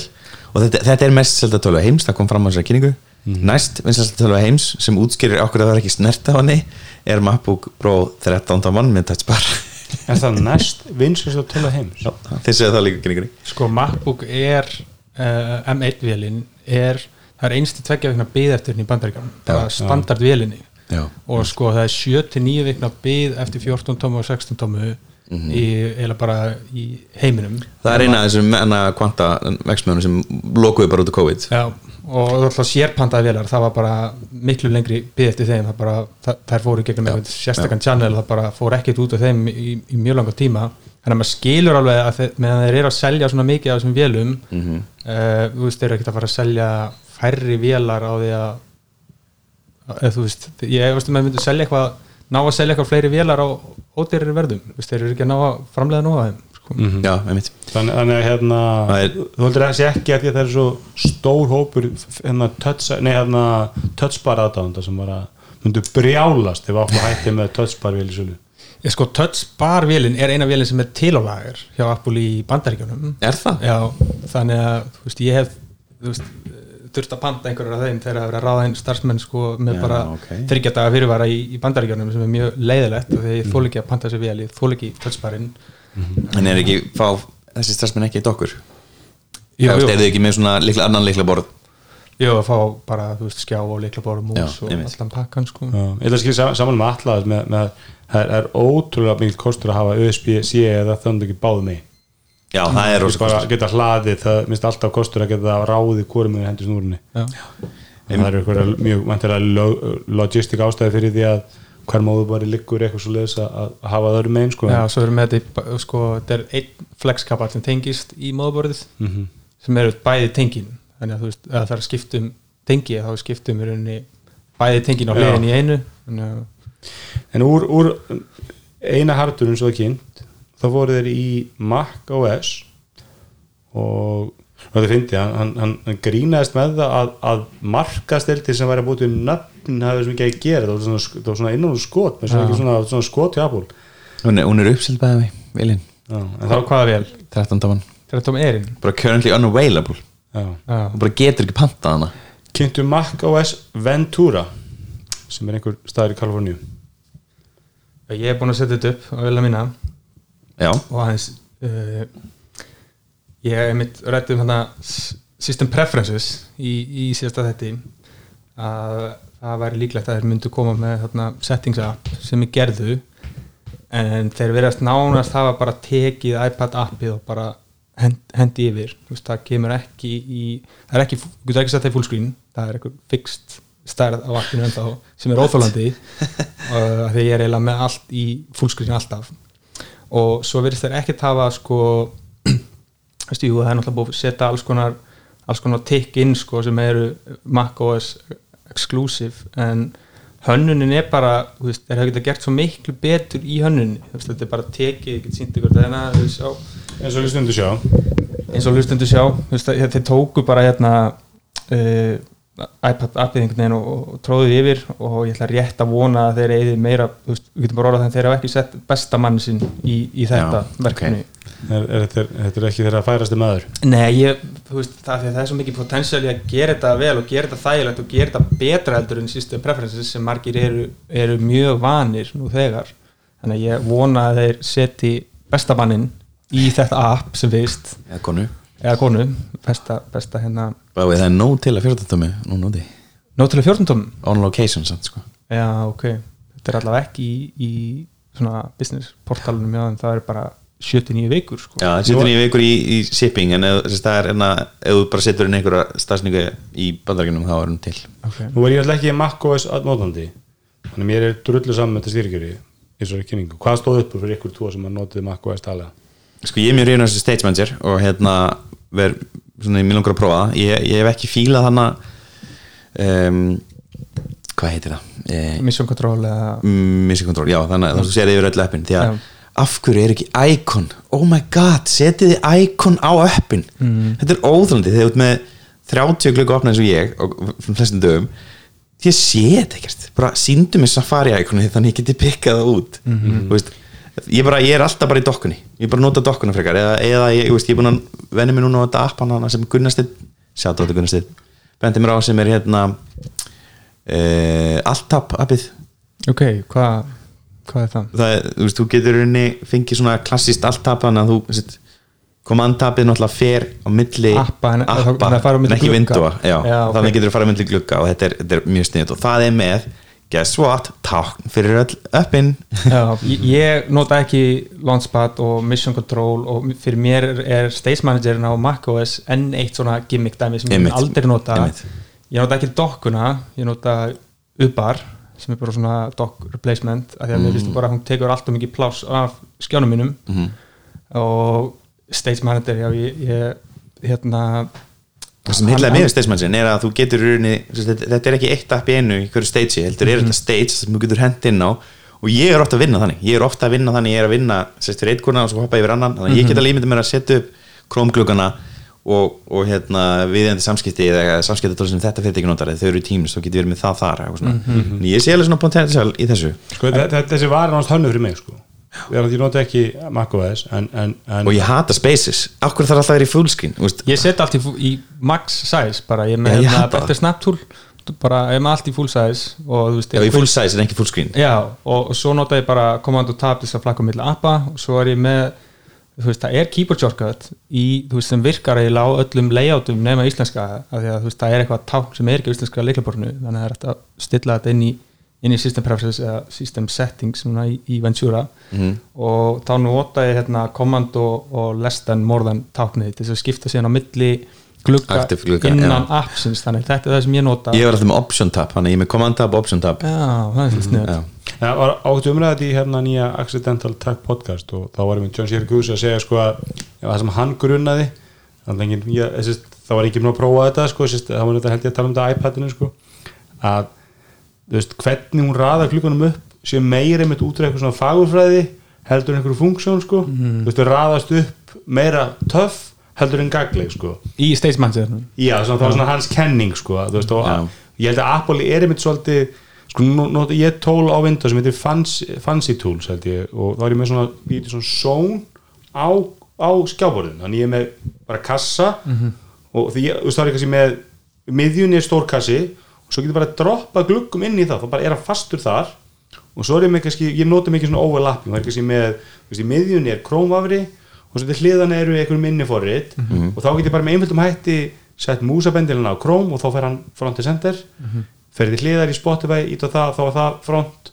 Og þannig að þetta er svolítið svipu nálgun af það, nema ég heldur með þetta þarna ræður ekkert auðvöldlega hvað hlutin er, þá er svolítið bara fínpúsað og alltaf og svona dúktlaðir við það ræðum öllum upp. og en, en það er sniðut um að geta hendi í svona workspaces eða svona eins og hvað kvöldur er þetta hana, stages eða sest, Mhm, stages. það getur mismöndi stages eftir hvað það gera. Ég nota mikið bara Word on desktop eða sest, vera bara með ég hendi öllu kunnunum einu verkefni inn í eitt desktop svo býr bara til nýtt desktop. Svo lendi ég í því kannski að eftir vikunni ég er með 7-8 desktop og ég er með svona 400 Chrome glugga að opna og Chrome tabba og ég er með 30 tukki minni og það er búið. Bara þegar ég er búin að áfna alltaf bara nýja og nýja glugga og stundum ég að taka til sko og þá kannski er það svo mikið að drastli þá býr bara til eitt rusl desktop að henda öllu þangað inn sko bara því að ég nenni ekki að taka til í því og svo byrja ég bara um nýtt sko þetta er svona ég til dæmis ég alveg fram á það að, að sko, nú er ég búin að vera að nota tapt hennar fændir rosa mikið til þess að vinna og veist, er með hennar shortcuts til þess að hoppa milli konunum minna nú get ég bara sé fyrir mér að ég sé bara með fændirglugga inn í hverju stage fyrir hvert kuna fyrir sig. Það, er, það áttur að skilja mjög miklu fyrir mig. En sko aftur um að þessi stage manager hérna sidebarinn í Stage Manager með sérstu samastað að ég set dokkunum mína, hún er mm -hmm. minn þannig að þetta, þetta, þetta er að fara að klassa svolítið hart sko. Og hérna spurning eh, hvort ég ráði hvort þú setur hann upp eða niður Já, það- vonandi. Uh, Ég sé fyrir mér að þetta myndi hérna, njóta sín miklu betur á stórum skjáin Nú er iMac 27 mann, það er einn ein skemmtilegast tölu sem ég vann, hef unni með. Og þar var ég rauninni með skipti spaces. Og var bara með fasta gluggarnir voru bara fastir, ég var bara að minka og rísa svo og ég veist, bara Ég sé fyrir mér ég geti gert þetta fyrir ykkur auðvitað á desktop-vél sem ég á ekki eins og Já. hvað annars stóði upp úr macOS Sko, mér veist þessi Stage Manager á iPadOS hann er bara game changer á, á iPad hann er miklu betur en það sem me, er í dag á meira svona eitthvað iPad. add-on í, í macOS sem að kannski hefur bara verið tekið og, og hendi yfir svona last minute eitthvað til þess að, að Já, hafa ég- þetta líka það Mér finnst þetta sniðið til að sé einhvað að milli sko. ég, og ég held að muni hjálpa sko, afærisnotendunum sem er ekki komið með better snap tools og eitthvað svona Já. fancy box eða whatever you had. Þannig ég held að, ég held að myndi fancy zones. Þetta- þetta- ægir mun, ef hann er að tilægja sér smá að þessu þá getur hann á miklu betra level heldur en hann er ekki þetta í dag. Ég heldur reyndar að niðurstu að verði eins og með allir þessu tól sem þið nefndu hérna sem engin notar, ég held ekki með nota það á macOS ég myndi til dæmis nota hana uh, hvað kallar það, hana Mission Control. Mission Control, ég myndi nota það eða væri taknaði ég, myndi bara, ég væri bara sátt við það, þú veist, bara bæti við taknum og það er ég bara góður. Ég fyndi hérna yfirlitsmyndinni við, við macOS og það var Clock App einn af fítusons Já, það er ógeðislega fyndið. En það sem er annað gott í og MacOS það er er að front and center. Já, það sem, er, ma- já, sem annað gott í MacOS er hérna, að Mac Mail er að fá rosalega flott uppfæslu ég er Mac Mail notandi því ég nota bæði Exchange og Google akkánta og IMAP og fleira. Google er reyndar IMAP og hérna og stærsta það er náttúrulega að það er endur bæði leiti að leitin þar er hræðileg dag svo er þetta afturkalla og ég, ég, hérna, ég sko klappaði þegar að ég kynntu send later fítur sinn Já, ég, ég bara há- búin að prófa rosalega mikið e-mail klæðendum og bara kemur einhver nýr sem er spennandi þá prófa ég hann Mhm. og, og þú veist, svo endast þeir í einhverju mánuð og kemur eitthvað betra eða, eða þeir eru umlegir og maður hendur þeim strax út og fer í, í það sem er best. Ég ger þetta líka, ég enda alltaf í makkmæl Ég er núna í, í Spark og, og stór hluti af þessar ástöðu er hérna að þú getur snúsa póstana og þú getur gert send later og þú getur schedula pósta og það er mjög þægilegt, ég noti þetta mikið Follow við líka komið í makkmæl eða stöða koma þar. Já, og þarna vitist þér hafa hérna, komið með þessa, þessa, þessa fítusa inn í, í Apple Mail sem er mjög gott en bara mér, ég hef ekki verið eh, mikill aðdáðandi af Apple Mail. Við notaði hérna MimeStream fóröldið á tímbili sem að virka bara með uh, Google að Gmail. Og það er raunin hann að afgæða sem að var að vinna hjá Apple við erum að búa til bæði mail fóröldið og Notes appið og hérna það nota sérst Google API þannig að það downloadar ekki inn postum lítur út nákvæmlega eins og Apple Mail en bara notar Google API til þess að, til þess að ná í alla postanir í staðan fyrir að vera að nota IMAP sniðugt. og bara tekur ekkert pláss á vélinni og hérna en ég er í spark í dag og ég veit ekki kannski maður prófi eitthvað Apple Mail aftur en já, ég hef ekki alveg verið nóg, nóg hrifin að því, mér finnst lítið af gerst þar svona í síðasta áratug Já, ég. samanlega lítið búið að gerast en þetta er einfalda besta multi-account kerfið sem er á Mac, finnst mér. Mhm. Mér finnst allir hönd hölda multi-account illa en það náttúrulega er ekki allir eins og ég sem er með svona mikið að mérum Eh, Eitt fítur sem þið kynntu sem að, að gekk að nota iPhone-in sem myndavel fyrir tölunaðina Já, continuity camera. Já, sem er þrálust og þessi einhvern belgin stand sem það setur á töluna svo þið fyndið þegar að og það eru nokkrar á leiðinni viðbútið örgulega Logitech standur også eina sem var, var eina sem gerði verkum á MacBook Air M1 fekk ekki 10 af 10 vörd var því að myndalinn var sorp. Mhm. en þetta er kannski svarið því eh, ég veit ekki, þetta er alveg sniðut sko. Mér finnst ekki ekki að þannig að þetta desk view þar sem rauninni notar ultravætlisuna og smíðar úr flata mynd af því sem er fyrir framaði á skrifborunniðinu mm -hmm. Nú getur sínt fólki þú veist, ef þú ert að gera eitthvað tutorial eða eitthvað og þú veist, þá getur þú tala beint í hana sem sagt, mainkameruna og ultravætlisan tekur desk view. Mér finnst Já, það- var alveg töf sko. Mér finnst það cool. En, en við erum að gleyma einu líka hana, Spotlight fekk einhver uppfæslu sem ég man nú ekki hvað var. Það var bara svona eitthvað lítið nice to have fannst mér. Og Safari er náttúrulega að fá slatt uppfæslu í þessu, hana, þessu tab sharing sem ég held ég muni aldrei nota en lík, líka ákveður hugmynd. við komum með hérna tengið það við mótið sem þú ert í þú veist, að þú getur verið með mismunandi mismunandi tabgrúps eftir í, í hvaða mót þú ert, þú ert í fókusmót þú ert Já, það er þetta svo ákveðna, þú ert í Já. work og þá farið ákveðna tabs það mjög sniðut svo Passkey náttúrulega sem er þessi tórt verkefni sem er samstagsverkefni Microsoft, Google og Apple. Þetta það var kynnt á Safari-kynningunni það komum vel inn á það sem við rættum einmitt í, í síðasta þetta með, með e-mailin og passwordin og allt þetta Mhm. sko. þetta þú veist, það er þetta, þessi passwordless vision og ég held að þetta sé mjög, mjög sniðut þannig er þeir með í rauninni private key og public key og uh, þjónustan sem úrst aukennið við er með public keyin og þú ert með private keyin inn í keychaininu og aukennið þið með face ID eða biometric eða, touch ID. Og ekkert leikilorð, ekkert leikilorð bara auðkynning og í rauninni ekki netfang heldur heldur er bara key notaður til þess að auðkenna þig. Mm. þannig að mögulega geta verið þjónustu sem að muni ekki sem byggjum e-mailið þitt sko. já, þetta er sniðið er þetta ekki bara, er þetta ekki bara rafræðan skilur ekki Jú. Já, í praxis eða, bara mass eða svona rafræn lífræn skil ekki já, þú það það þarf það ekki að búin aðgang eða þess að sko rafræn skil ekki náttúrulega sendir líkilorð þú þú þarft að segja, þú þú þarft að stimplin hennar pinnið þitt. Mhm. þarna er ekkert pinn, það er það er ekkert til þess að stela nema ekki þú allir símanum. fingurinu já, en þú, Eh. þú þarft líklega að staðfesta með andliti þannig að Já, í rauninni eh, sko, aukennur þið með þessum, þessum private key sem þú unlockar með Face ID á tækinuðinu þannig að þú veist, þú ert ekkert að senda upplýsingar um andlitið þitt eða fingrafærið þitt á aðlan heldur, heldur bara gerist auðkenning í rauninni á, á, á tækinu hjá þér sko. svo er þetta handoff á FaceTime símtölum sem ég stoltið snitt, ég gerir mikið af þessu. Ég svara oft í tölunni eða iPadinum eða veist, einhver stannan staðar. Og svo vil ég bara taka síman þegar ég er leiðin út. Eða svo skilja til töluna. Og það, hérna, þarna getur svona kemur þú sjálfkvæða niður svona gluggi og getur ít á switch og tekja á milli. Það er mjög sniðut Nefnum ég nota FaceTime vídeo ekki það mikið. Það er búið að vera gall í FaceTime. Það er hérna högt á hljóði. Það kemur svona, droppast bara alveg hljóðlust og þú heyrir ekki eins og þú sér búin að missa samband. Og, bara, og mótaliðin bara eitthvað, heyrir ekki dyrir í svona eina sekundu. Já. mjög skildum bökur.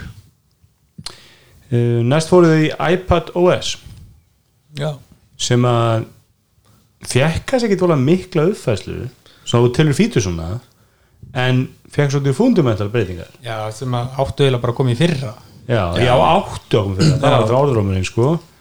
En það tafiðist, en það er alltaf kannski stóra fréttin sem stendur alltaf upp úr er það árið 2022 er komið veðra í Fyrir Mér finnst þetta veður, að raflegur þessi veðurappi Þetta er svo pointless veist, Íslendingar til dæmis farið bara á veðbundur farið bara á alveg veðursíðu. Fyrir þetta er ekki það gott viður af sko. Hvað er kalkulatorinn? Það er enda núna voru flottar upp Já, það eru hérna flottar uppfæslur hann hann gefur tíu ári hann. Það er nóga kalkulator appið minn í App Store kall minn En það sem var hérna- flottast sem, sem mér fannst flottast var að, að loksins getur sem sagt, uh, loksins getur tengt aukaskjá og þú ert ekki með uh, mirrored content í letterbox á aukaskjánum.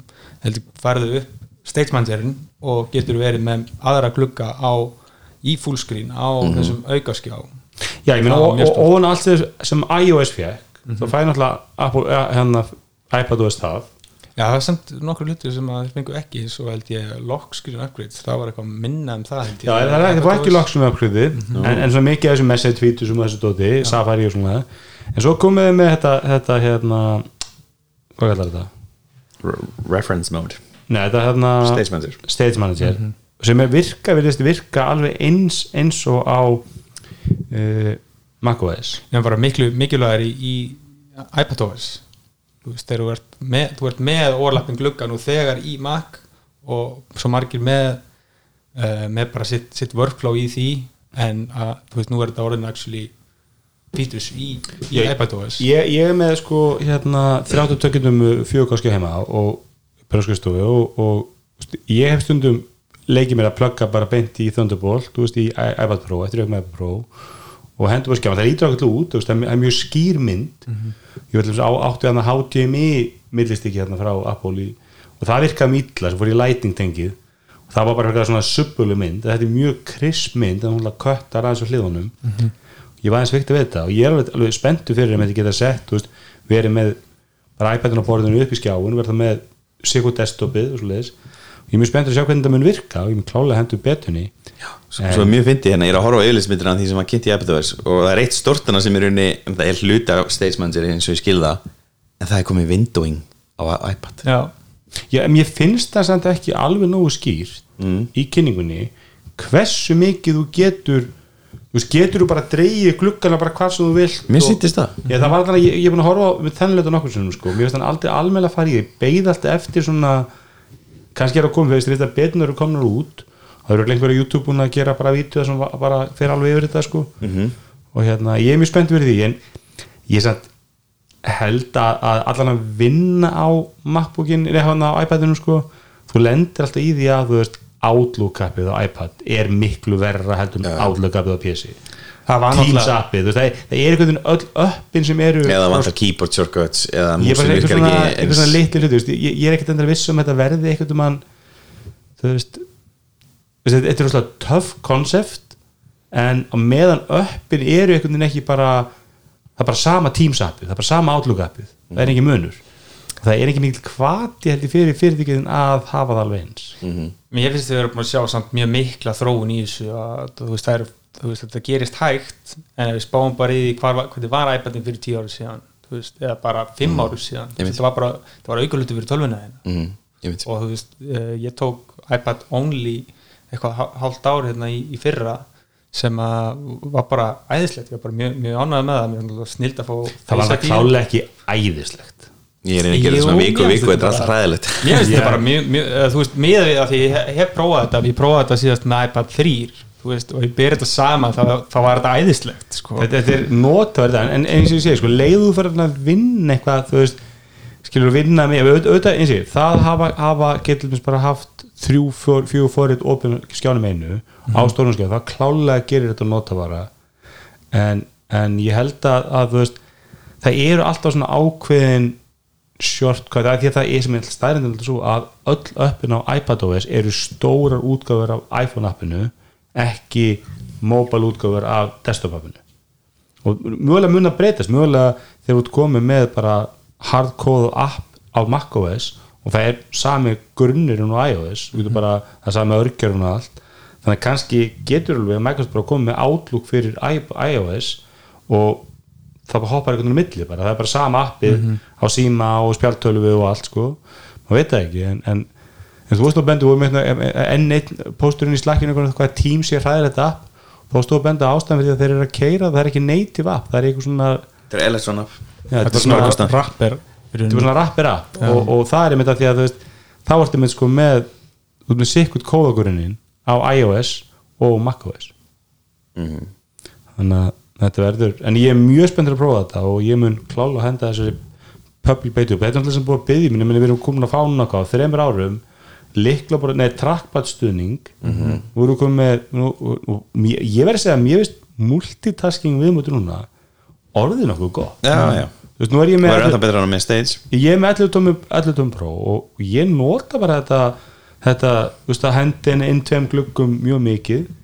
Vera með, þú veist, og jafnvel þriðja þú veist að, það er kannski það er gaman eða komið eitthvað svona nýtt þarna eitthvað sem er gert aðeins betra, aðeins meira smúð mm. breyta þessum ekki neitt eila en ég ætla að, þú veist, ef maður prófar Surface 12 eða eitthvað Windows megin eða eitthvað svo Samsung þegar maður er eiginlega bara, þú veist, hvað þetta er ógæðslega smúð, smúð uppmátt hjá, hjá Apple í iPad OS og hvað þetta eldist vel. Eitt enda er svolítið högg við þetta þú færð ekki neitt af þessum fítusum ef þú ert ekki með M1 iPad. Já, já, harðir þar. Mér finnst það áhugavert út með sko, 12,9 tómu 2021 iPad Pro nei 2020 iPad Pro sem kostaði þér sko allan börn. Nei, ekkert, engin statementi við þig En ég verði samt að segja, hann að 2018 iPad sem ég seldi hann um daginn nei, hann, hann, hann er búin að display stuðningur statementi kemur alltaf þetta display stuðningurinn það ekki? Nei ég held þú færð ekki displaystöðningir nýja stage manager. Stage managerin manager. er bara M1 og uh, Apple voru spurðir út í þetta og þeir sögðu að ástæðan fyrir þessu væri eitthvað enhanced memory swapping sem er í M1 mörgjörunum. Já, já, Já, og svona, svona eitthvað, annars stórst eftir náttúrulega það, er- það er komið virtual memory í iPad. Já. Það er rosalegt. En það pælur í því, ég menna iPad Air og Pro eru með 8 GB minni og M1 örgjöfa MacBook Air er með 8 GB minni og M1 örgjöfa Já. og þú veist, með minna geimslublósa iPad Hvað er þetta 16 gig í, terabytes iPad Pro? Já, ég, ég er að segja, en, en þú veist, er að þessar grunntýpur eru bara pari, ég meina það er 250 GB þannig að, og það, það er ekki, svo getur ekki með 20-30 upp, opin inn og þess að M1 er fer eitthvað að væla, sko. Mitt, þannig að, það Jetsam hefur verið svolítið gróft sko en Ég er mjög ánað með það að það hætti líka. iPad OS er ógeðslega smúð og allt sem þeir að gera til að við held að því er náttúrulega kostur, sko. Svo er þetta freeform hana töflu fjárfundakerfið þannig að appið Þessi meina Evernote frá Apple? Evernote. Miro-bortið. Er þetta ekki fyrir Miro? Þetta er eitthvað svona, já, þetta er er eitthvað svona note app sem þú getur zoomað inn og út og ég er að vinna bara í mínu svæði þú getur zoomað inn á mitt svæði ég getur krotað og, og er mikil áherslu á pennan. Mm Mjög mikil áhersla. Þetta verður alltaf mjög vinsælt svona, svona software í COVID þegar allir eru að vinna heima Já. og allir eru í collaboration sem er blessunlega búið. Sem er svona búið en, í en ababólunni, þegar ababólunni er djúp hérna þá verður þið þegar ababólan hérna, gengur yfir landið að þá verða allir heima að vinna í, í þessu. Og Appabólun er svo og þetta er bara koss. En svo, svo er málið, þú veist, það voru svo margir sem fóru að nota þessa tækni. Bæði hún kom í dag, ekki?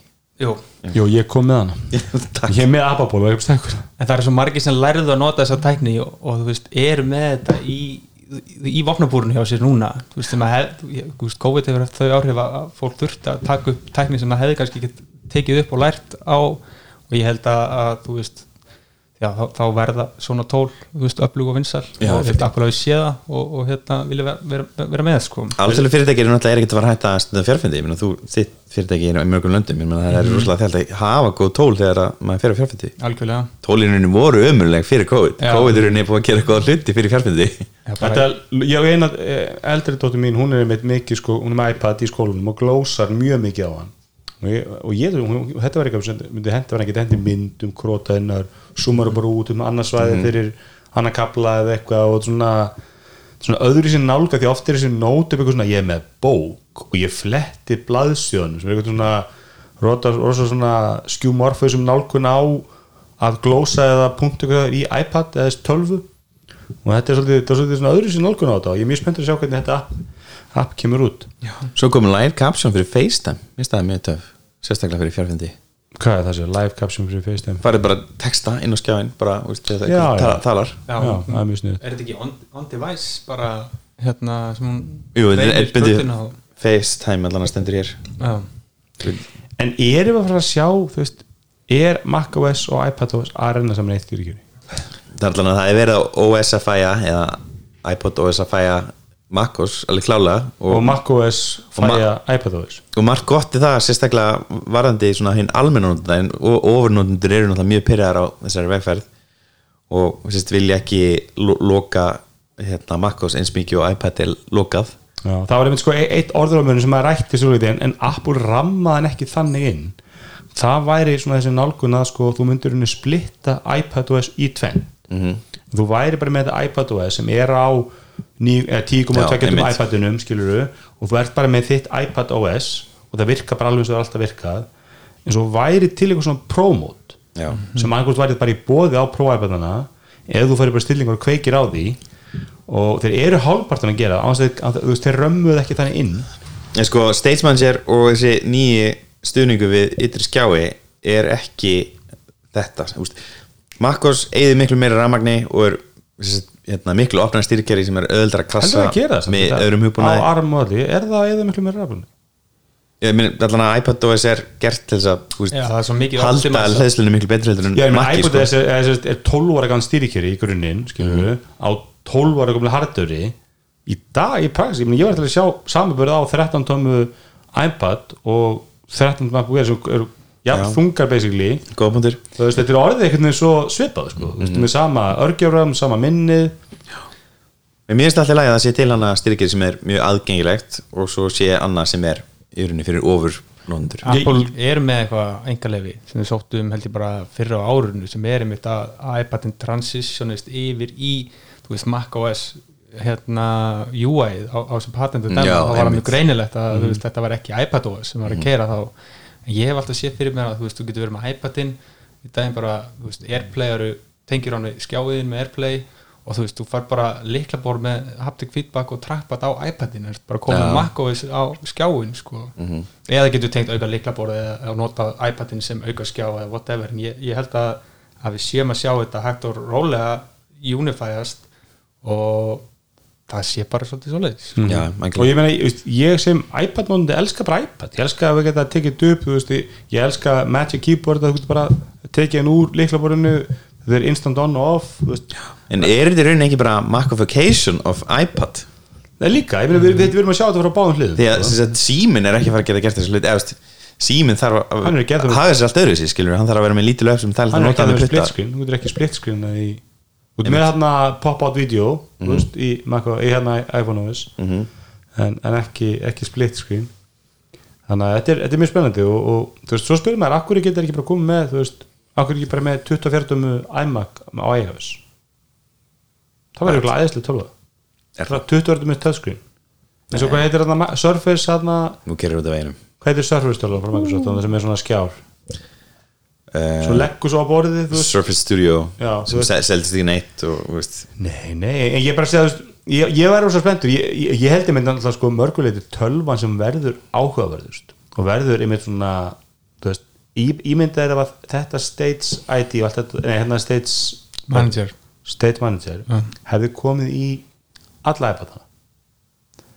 Og við erum nú með vonda Európa-samöndið, var þess að þetta reglugerun í vikunni sem skildir alla framöndur sem búið til spjaltölur, síma, lestölur og allt, þeir eru með USB-C frá end, end of year 24 Tu- eða byrjun ás 2004 uh, Apple held ég hef sagði um end of 2024 end of 2024 Já, mér minnir það. Ok, en ímyndið er ef að, ef að 329 með iPadin væri með Manager og ammaðin kemur þess að vantar tölvu og þú getur keft einhverja dokku fyrir hana líkla bara mús, skjá svo bara dokkur iPadin sinn og þá er hann bara með tölvu, bara með líkla bara mús bara með fínu styrkjur og hún er ekkert að pæli já, beti, nú er ég í Teams og það er, hún er bara að opna Safari og á netið, fara í engabankan og fyrir postforritið og svo leiðis og þetta er bara iOS, þetta er bara rocksæl, þú veist, hún er aldrei fá vírus þetta er 100% öðru stýrikjörfi og fyrir hann er þetta bara stýrikjörfi og svo bara tekur hann iPadun og dokkun og þá er þetta bara iPad ég var með svona einhverja draumóra um hérna, Apple TV að geti kert sko full blown iOS á Apple TV-inu og tengt mús og, við það. Mm. það væri held ég svolítið cool útfærsla af, af þessu sko. Non-touch based hann að iPadOS á tvOS er, er ekki Apple TV nýjasta 4K er upplóra heldur en margir Mac Mini já, er ekki einhver já, gömlu Mac Mini-nir já, ég er ekki, ekki kannski M1 þú veist, en ég menna það tiltölulega nýleir Mac Mini skilur hvað var það, er A14 að 14 Já, seta 14. eða eitthvað. Það er nú bara að slaga ég M1 sko. Já, já, lefist það ekkert mjög langt frá M1 það er bara forveri M1 í Já, rauninni. og ég meina, þú veist þannig, að hérna, en ég held að þetta getur svo skemmtilegt að, að þegar þú ge, getur verið með eins og ég meina hvað kostar iPad standard iPad hérna, ég meina þegar standard iPadin er komin í svona Gen 2 4K er með A12 er það ný, nýra 4K já, já, en A12 er samt örlega drullaflut sko. Já, menn A12 er þessi hérna, A12 er það sem ég var með ekki á 2018 iPadinum, iPad já, Pro já, já.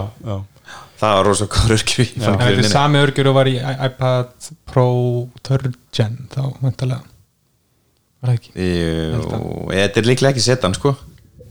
Nei, þetta er örgulega, þetta er örgulega sest, hérna, iPhone A12 iPhone 12 já.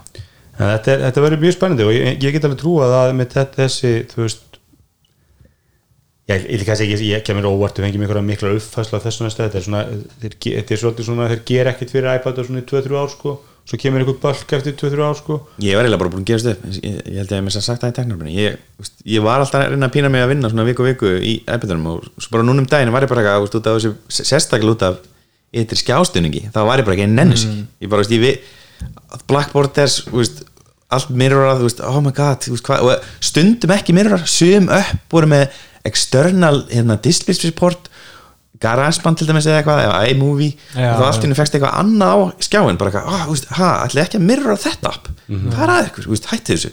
Já, ég held að það er, en það er eitt sem að oft á ég er með að vinna eitthvað, ég er náttúrulega að vinna iPadun þetta, ég er náttúrulega mikið á fundum, þú veist, þetta er takkið sem tekur fundi og, og, og skoðar mbl.is meðan þú átt að vera að fylgjast með og fyndinu sko, sko, sko MBL á fundunum, sko, en svo lengur maður í til mig segja eins og, þú veist, ég ætla að forvinna tölvupóstum minn, þá lengur bara í þar alls konar fítur sér átluginu sem er ekki í Já. átlug á iPad og er í átlug á PC veist, það er svona Outlook sé vandamáli þær En sko Outlooki var í rauninni það var annað app á- í iOS sem var svo bara keift, það var appi sem ég var að nota ég man ekki hvað ég heit sko. Allt í einu eitt morgunum vaknaði þá var að búið áta eftir þess að allt í einu bara komið Outlook í, í, í hérna, síma minn sko þannig að, og svo taka þeir sko, þú veist, þetta UI þeir breytir hún ekkert UI-inu þeir bara hendi logoinu sínu inn og brandinginu. Svo taka þeir UI-ið og í rauninni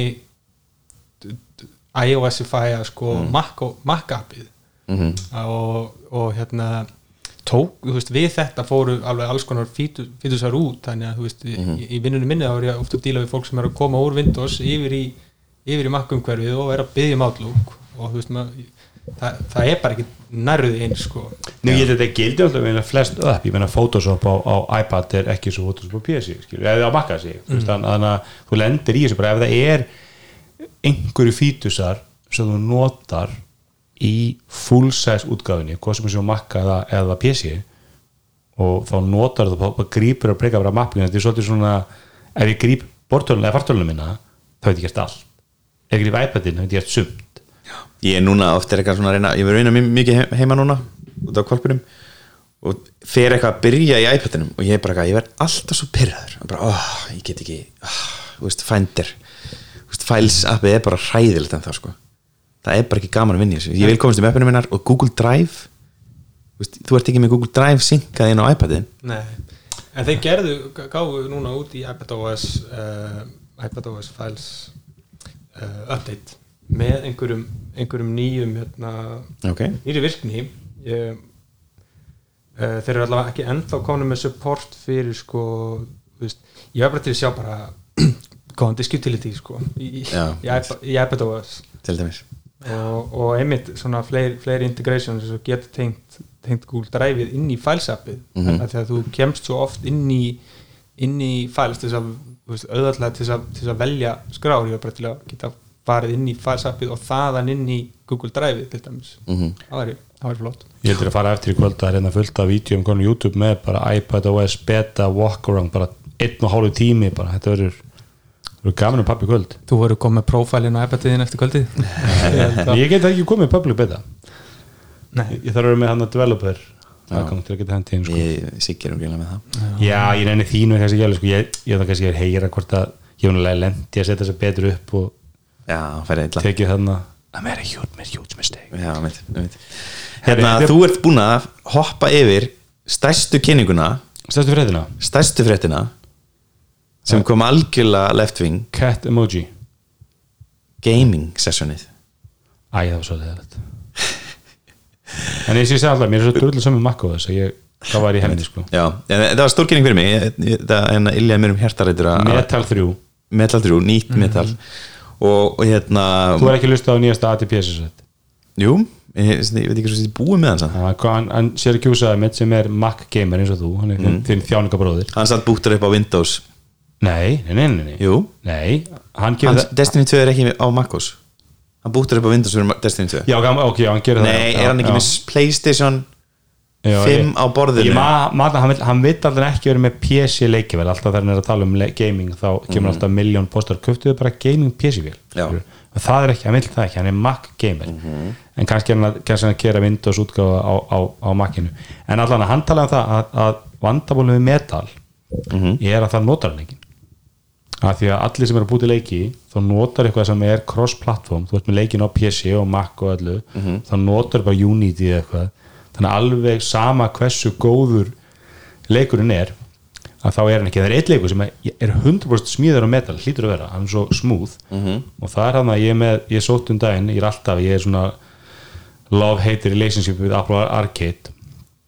Og ég held að þeir kefti man ekki okkur ég var, hvort ég var þegar ég kefti með nýja Apple TV þá kefti ég aftur áskrift af Apple Arcade og þá, það eru kominir hann að eitthvað svona, svona gold standard sagt, svona gamli leikir uh, í, inn í Apple Arcade sem er svona veist, gamli vinsir og það er það Cut the Rope leikurinn það var þetta geggjaður, það var bara history þegar hann sá leikur sko. bara Mm. en, vinsæll. en hann er svo, svo animation í honum, bara í valmyndunum bara, og ég hef bara aldrei síja ótrúlega detailada animation, hann er bara metnar í þessi leik, þetta er ótrúlega flottu leikur, bara út að lappi valmynduna, hoppa inn í þessu, það er endurist einhver ógeðslega flottum 60 rámaður sekundu animation allstaðar þannig ég ætla ekki að þessi leikur er gerðin í metal.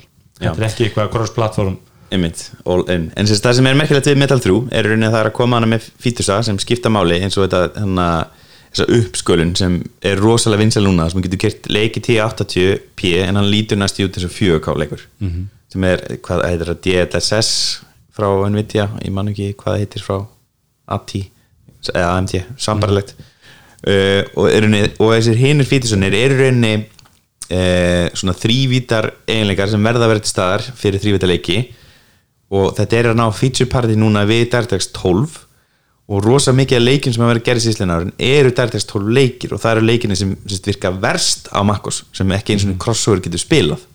Og einn af þessum leikjum er hérna Resident Evil Village sem er víst rosalega flottur leikur. Ég mitt vissi ekkert á hann því ég er ekki inn í þessum heimi. Það Og- skjóði inn í fyrir hlustendur að- Íslanda múið sko, skora mútið San Marino? Uh, geggjað, geggjað. Og hérna, núna eru þessi DirectX 12 leikir uh, fyrsta lagi, þeir verða líklega aðgengilegir fljótt í crossover, því að crossover mun byggja móti nýja API-inu í Metal 3 og svo náttúrulega þýr þetta það að þeir sem vilja porta leiknum yfir í Metal 3 þeir eru, rauninni eru konum með feature party. Það, er, það sem vanta áður í Metal 2 eins og DLSS sem eru flesti vilja geta nýtt sér í dag það er bara komið og þá bara mappar það á móti. Það er frekar, au- og þá kemur örugglega eitthvað tól inn í veist, hérna, inn í förðunum heiminum þar sem er rauninni þú getur bara mappað auðvitað þetta er svona, þetta er svona, þetta er svona og það verður rauninni þægilegt að taka DirectX 12 leik og bara mappa neyr og það er náttúrulega stór, stór, stór, stór svo eru sérst búið lofa þessum þremur leikjum Grid Legend sem er enna rallyleikur sem ég tengi eftir við eða bílaleikur. Resident Evil Village og svo hennar No Man's Sky sem þetta virka mjög flottur. Og svo var þetta að tala um uppáðsleiki minn sem er á leiðinni. Eh, Baldur's Gate 3, það var nú síndur litið tvisar með þessa á kynningunni. Já, en meina af hverju þú ert með leiki sem allir spila Túmurættur, ég meina það er stökuð annan leik á markaði ég en Tomb Raider. ke keifti tómleitir hann að ég var að testa Max Studio og hérna, mér líst bara ótrúlega vel á þann leik. Hann er mjög góður, víst. Já, er hann það bara native leikur nei, hann er, hann er Rosetta tvöleikur sem Ok. bara virkar mjög vel. Hvað heitir þessi roleplayinleikur sem að sko pínir hann að iPad Pro hann að, Divinity Original Sin 2 já, ég er að bara að splæsi hann. Ég kefti hann daginn og spilaði hann, ég er búin að spila hann alveg svona 6 tíma og hérna hann er ótrúlega bara, gott iPad Pro bara er, að- hann þarf að hafa fyrir því bara, já, já, bara hún, já, þetta er þungur leikur. Þetta er þunguleikur og mjög fallegur leikur, hann er mjög fallegur á iPad. Ég geima bara í PlayStation 5 sko. Já, ég er að hafa listanum, ég ég game ekki neitt sko, en ég á Switch og ég á hérna, Xbox Series S. Eitt Apple TV Já. já. Switch og Joy Controller. Eða það, kom, það var nýtt í það var eiginlega eitt af þeim örfá Ok. já, og, og Apple, eh, hana, Nintendo's Pro Controller. Nice, þannig að það er mjög snuð Herru, er þetta ekki bara, er þetta ekki átíðu fyrir okkur? Ég þarf að hlaupa annað. já uh, heilt yfir allt í lægi kynning ekki svo versta og ekki svo besta? Minnst þessi er mjög fallið tölva og hérna uh, en ég held ég minna áfram halda sérst, nema fólk viti að vilji fá eitthvað þannig í þessari M2 er þá mun ég mæla með M1 er uh, ég, þetta er tölva sem ég hefða líka að kaupa en Sann, ég sann, með sko 30% afslutu sem að hlustum við tækna þessu fá í Makland sem við kannski skjótur að vera mjög bóðið Makland eða ekki? Þurfum við já, ekki? að- einmitt, þessi þáttur er búið makland þegar menn er bara hlusta í einn ára tíma að, að þá er þetta ákveð sverð sko. Já, en ég veist hún, ég verð að segja það að ég myndi held ég alltaf þetta er var MacBook Air 220 Pro. þetta er svolítið MacBook Air Pro. Ég myndi segja bite the bullet. En þú ég veist, sko- eitthvað svona 12 til 2 ára, 4 ára hún verður, hún eldist betur. Sko, svo MacBook Airin M1 hún var- leit alveg eins út og vélarnar frá 2016 nema þú veist það er komin hann emoji takkin og ef við sjá, og pælum bara í hvernig þetta er eins og í, í, í, löndum í Asju sem þá er gefur upload hérna, Alpine Green síma veist, og hann bara mók selst bara því að þú veist, allir vilja sjást með það nýjasta nýtt. Nýju- ég held, að þessi, ég held að þessi MacBook Air Pro verði mjög vinsal út, bara út frá útlýsbreytingunum sko. Já, já, þannig að örgjörum sé svo bara svolítið bónus og í það sko. Já, en, en, en ég verður að segja þessi ég, ég, ég veist svona með nýja Apple að, bæði 14 tóman, 16 tóman og svo þessi þrjá boring hannun þú veist, þetta er ekki ég er ósamála þetta er ekki, ég er bara mjög samla ég meina, í mörguleiti eru flestar tölfur ef maður tekur sko, og ég meina, líkla bara var sorp og allt það, en mér veist sko hönnun falleri design is how it works. Á þessar tölvur, they work. Mér finnst þess að þessi nýja hönn bara, bara frábær bara algjörlega eðslega og, og einhvern veginn ná- náðu þeir að gera svo mikið tribut í hönnunar history hjá Apple alveg bara frá titanium t-book sko. Svo er miklu þægilega að halda þeim. Hinna voru svo oddkvæsar og æri með er hérna M1 er og það bara, það er bara að á henni og ég chi- chippaði hérna stofaborðu einhvern daginn bara með því að leggja hann aðeins skapt frá mér. You're holding it wrong. Herru, takk fyrir okkur. Takk takk. Takk, takk